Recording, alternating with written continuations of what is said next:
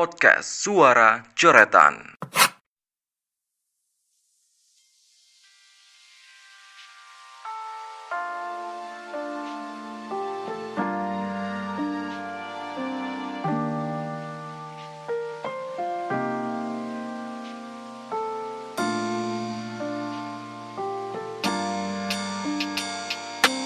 Halo, selamat datang di podcast Suara Coretan.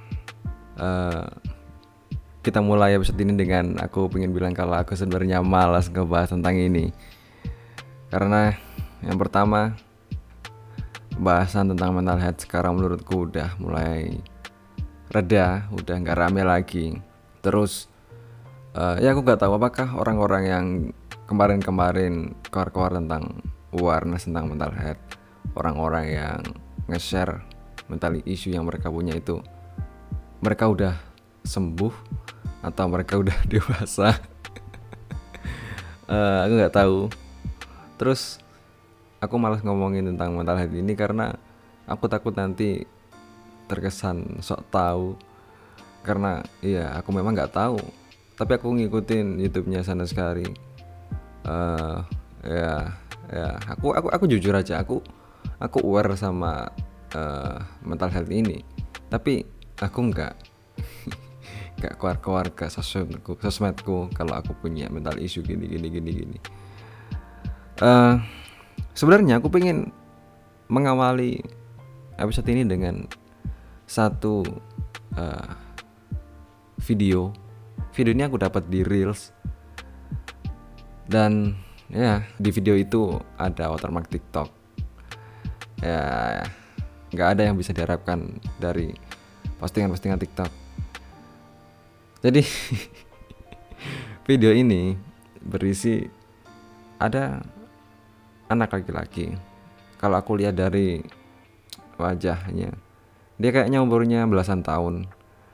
Eh, terus di video itu dia nge-share capturean eh, hasil dari mental health test atau psikotes kalau psikotes lebih ide- identik ke tes-tes PNS sih. Intinya mental health test lah karena di situ aku lihat ada presentase depresi ada presentase eh, mental issue yang dia punya apa aja gitu. Dia nge-share itu. Yang pertama ada di pikiranku ya kamu tahu lah anjing ngapain gitu nge-share kayak gini? Eh yang pertama anjing itu tes di website. Kita nggak tahu itu akurat atau enggak. Terus anggaplah itu akurat. Anjing kalau itu akurat apa tujuanmu nge-share ke sosmed? Eh, aku takut nanti aku- kalau aku bilang cari perhatian aku takut nanti terkesan aku jahat banget. Eh, terus nah aku ingin ngomongin postingan yang udah aku eh, ceritain di episode sebelumnya. Di episode sebelumnya kan aku cerita tentang satu postingan. Ada laki-laki dia melipir ke pinggir jalan terus dia ngevideoin mukanya yang lagi nangis terus ngevideoin tangannya juga lagi gemeter dia punya anxiety katanya gak enak banget jadi anak yang punya mental health issue. Aku nemu postingan itu lagi. Setelah aku ngomongin di episode kemarin aku ngerasa anjing aku jahat banget aku ngomongin kalau aku nggak percaya sama orang ini. Karena terus orang ya aku waktu ngeliat lagi video itu aku ngerasa sedih banget ikutan sedih gitu. Karena anjing backsound yang dipilih itu backsound backsound yang sedih banget gitu. Cu cu gimana ya? Aku aku takut kamu nggak tahu posisiku eh, terhadap apa ya awareness tentang mental health. Sebelumnya kan aku udah bilang kalau aku aku sendiri aware sama tentang mental health tapi gini deh. Aku pengen jelasin eh pakai contoh aja. Misalkan ada temenmu ngeluh ke kamu. Dia insecure. Inse- insecure kan termasuk ke mental issue kan? Dia insecure sama wajahnya yang kurang memanjakan visual. Uh, terus sebagai teman sebagai support system pasti kamu bakalan uh, udah nggak apa-apa. Kamu itu cakep kok. Kamu punya inner beauty. Kamu punya kelebihan lain. Manusia manusia nggak ada yang sempurna. Ya kebijaksanaan kebijaksanaan dari diri kamu itu bakalan keluar semua tapi setelah dia ngeluh ke kamu dia buka HP dan di handphonenya itu kamu lihat dia pakai wallpaper mukanya penuh satu layar. Nah kita mau percaya itu gimana gitu. Aku nggak bilang dia bohong ya. Uh, ya mungkin kalau kamu eh, nggak uh, setuju sama aku mungkin kamu bakal menyangkal dengan ya mungkin wallpaper wallpaper itu salah satu usaha dia buat bisa self love mungkin itu wallpaper uh, versi terbaiknya dia. Uh, oke. okay. Misalkan lagi ya oke lah kalau kamu bilang gitu masih ya oke lah. Misalkan lagi selesai dia cerita sama kamu dia pulang naik motor dia pakai helm dia ngarahin sepion kiri ke mukanya sendiri. Gimana? Insecure-nya tuh di mana gitu maksudku? Aku nggak bilang dia bohong. Tapi aku lebih yakin kalau dia ini apa yang dia ceritain tentang insecure-nya itu udah masuk ke alam bawah sadar. Sehingga dia sendiri nggak nggak nggak ada niatan buat bohong gitu. Uh, aku sebenarnya punya apa ya punya punya anggapan aku sempat mikir banget tentang fenomena kemarin tentang aduh ramenya tentang awareness mental health. Tapi aku mau cerita nanti takutnya terkesan jahat banget dan ini terus terang ini terkesan jahat banget ya. Uh, ya beramat lah aku ceritain aja. Yang pertama uh, sebelum ini rame obrolan tentang mental health awareness tentang mental health mental health issue itu kan pasti ada di masyarakat kelas menengah ke atas ya kan? Karena masyarakat masyarakat menengah ke bawah pasti mikirin perut mikirin kebutuhan yang ada di depan mata gitu.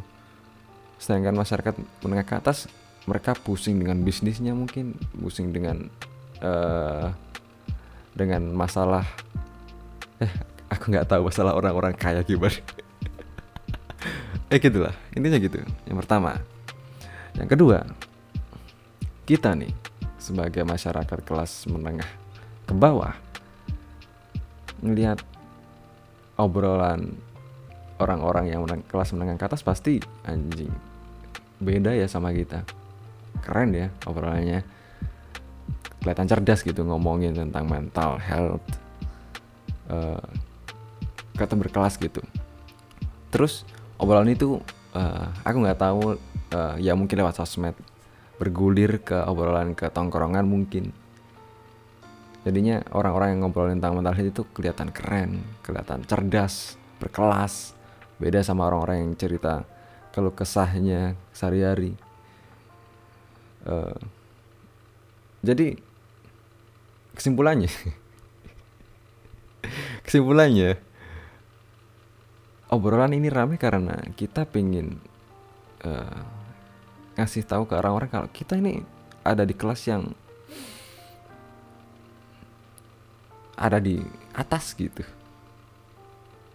Padahal kita hmm, aku tahu aku tahu aku tahu. Kita semua berhak aware tentang mental health. Kita semua bisa kena mental issue aku tahu.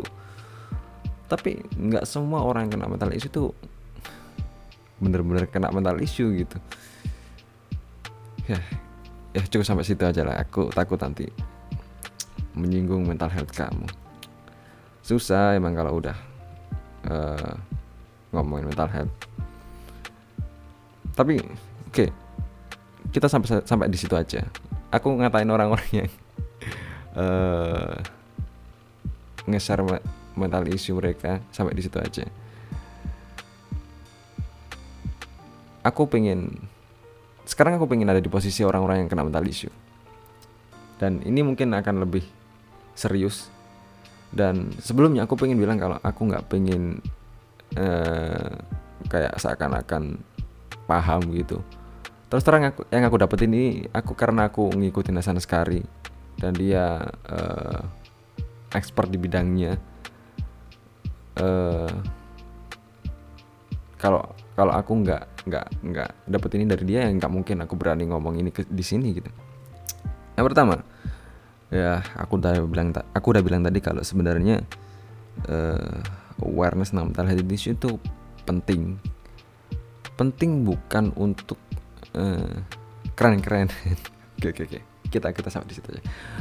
Penting pentingnya itu untuk gini loh. Kita sadar kalau anjing ini ada yang nggak beres di dalam diriku ada yang salah gitu.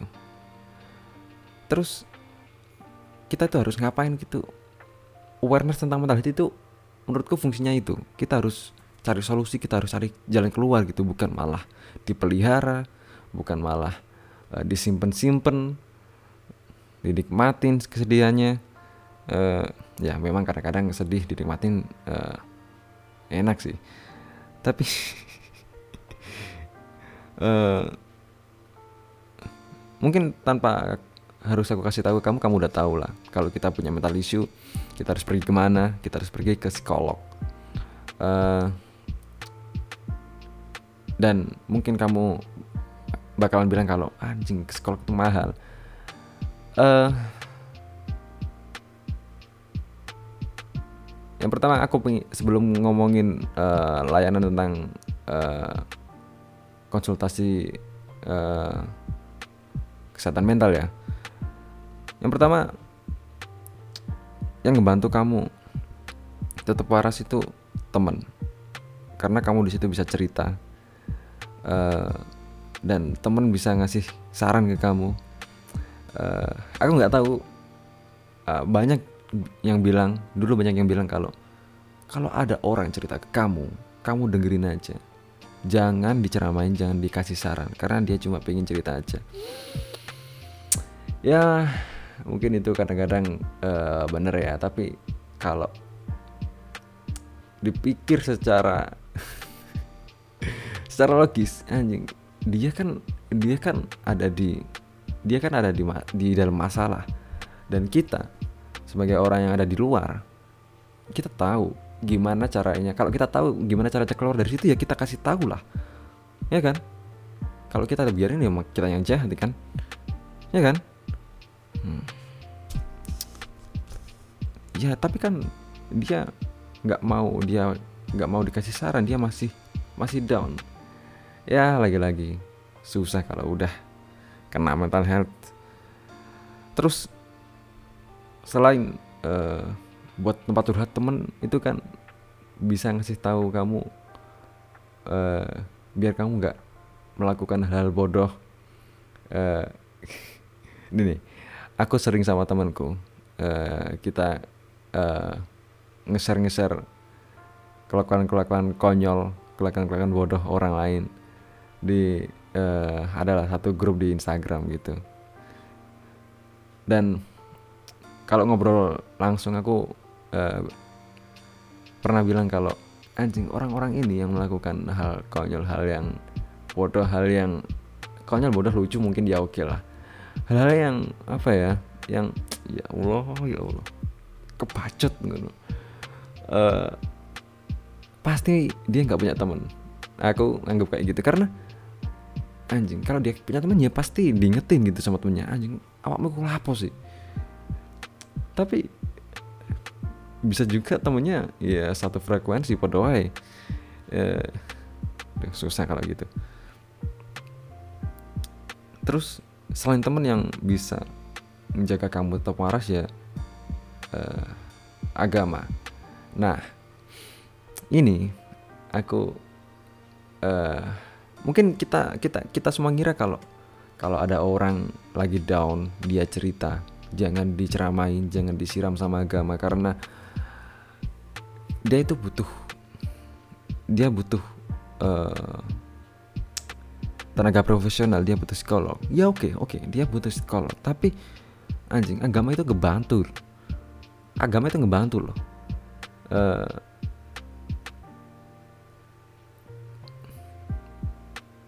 aku lihat videonya Hasan sekali sama eh, Habib Hussein Ja'far. Di situ dia ngebahas mereka ngebahas beliau-beliau ini ngebahas tentang eh, psikologi sama agama mental health dan agama.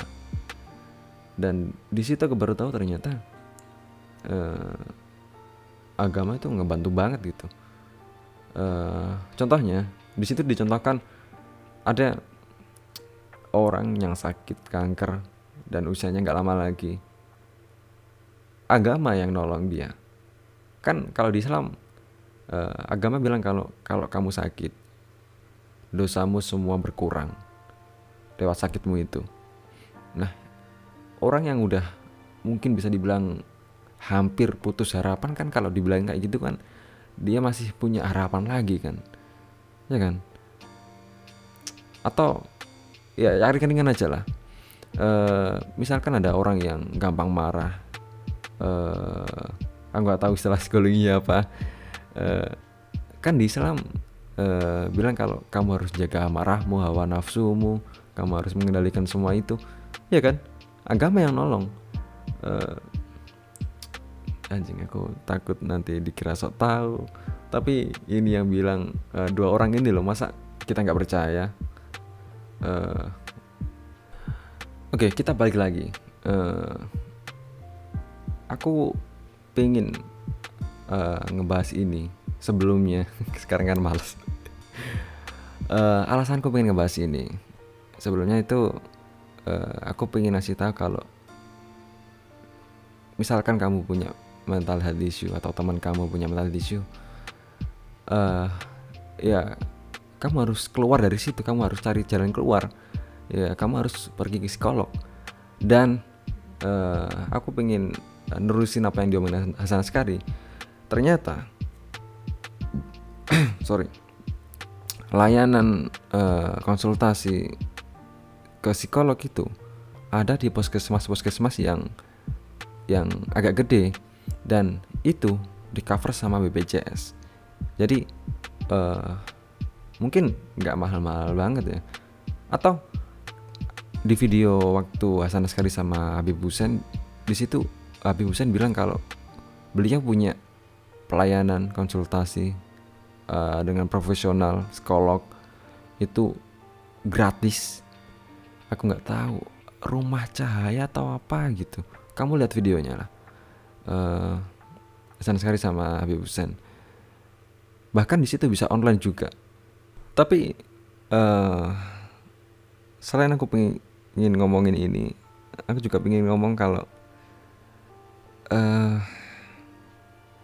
anjing eh aku aku nggak pengen episode ini sedih. Eh aku udah lama pengen ngebahas ini karena aku lihat berita dan kamu aku yakin kamu udah tahu berita ini. Dan udah lama juga Eh, berita yang ibu-ibu dia ngebunuh dua anaknya dan meninggal satu yang satu kritis. Itu anjing itu menyedihkan banget loh. Awalnya aku ngira kalau ibu itu eh kena aliran sesat terus dia sampai ngelakuin kayak gitu. Ternyata enggak. Eh, berita ini dibahas sama Hasan Naskari di satu video khusus.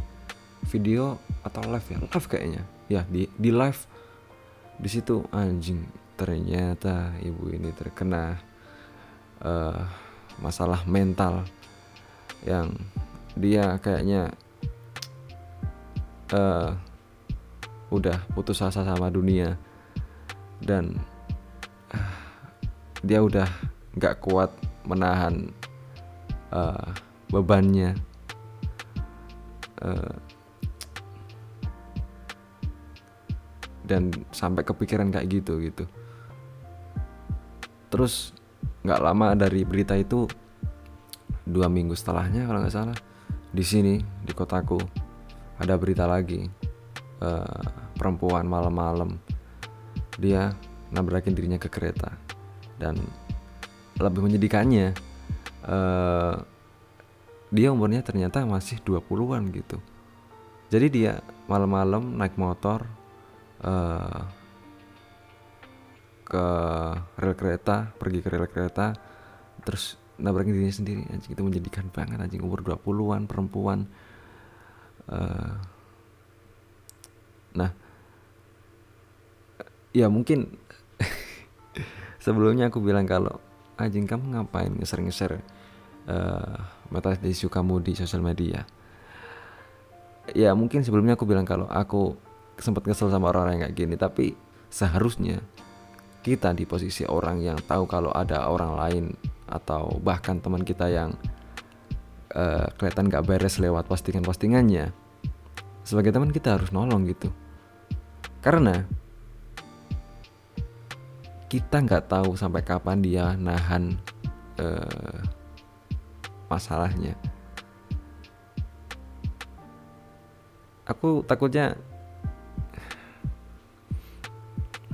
bayangin kamu punya temen yang uh, anjing ini ini anak ngapain sih? Sok kalau kalau uh, terus kamu udah udah dia, dia mungkin dia udah cerita ke kamu terus dia udah ngambil waktumu terus kamu jadi ikutan sedih jadi ikutan kepikiran terus kamu tinggalin dia terus tiba-tiba dia udah udah bablasan entah dia udah bunuh diri atau dia udah gila. Anjing itu aku yakin penyesalannya wah anjing luar biasa. Ya lagi-lagi kita nggak tahu itu. Sampai kapan batas orang bisa menahan uh, masalah mental yang dia punya?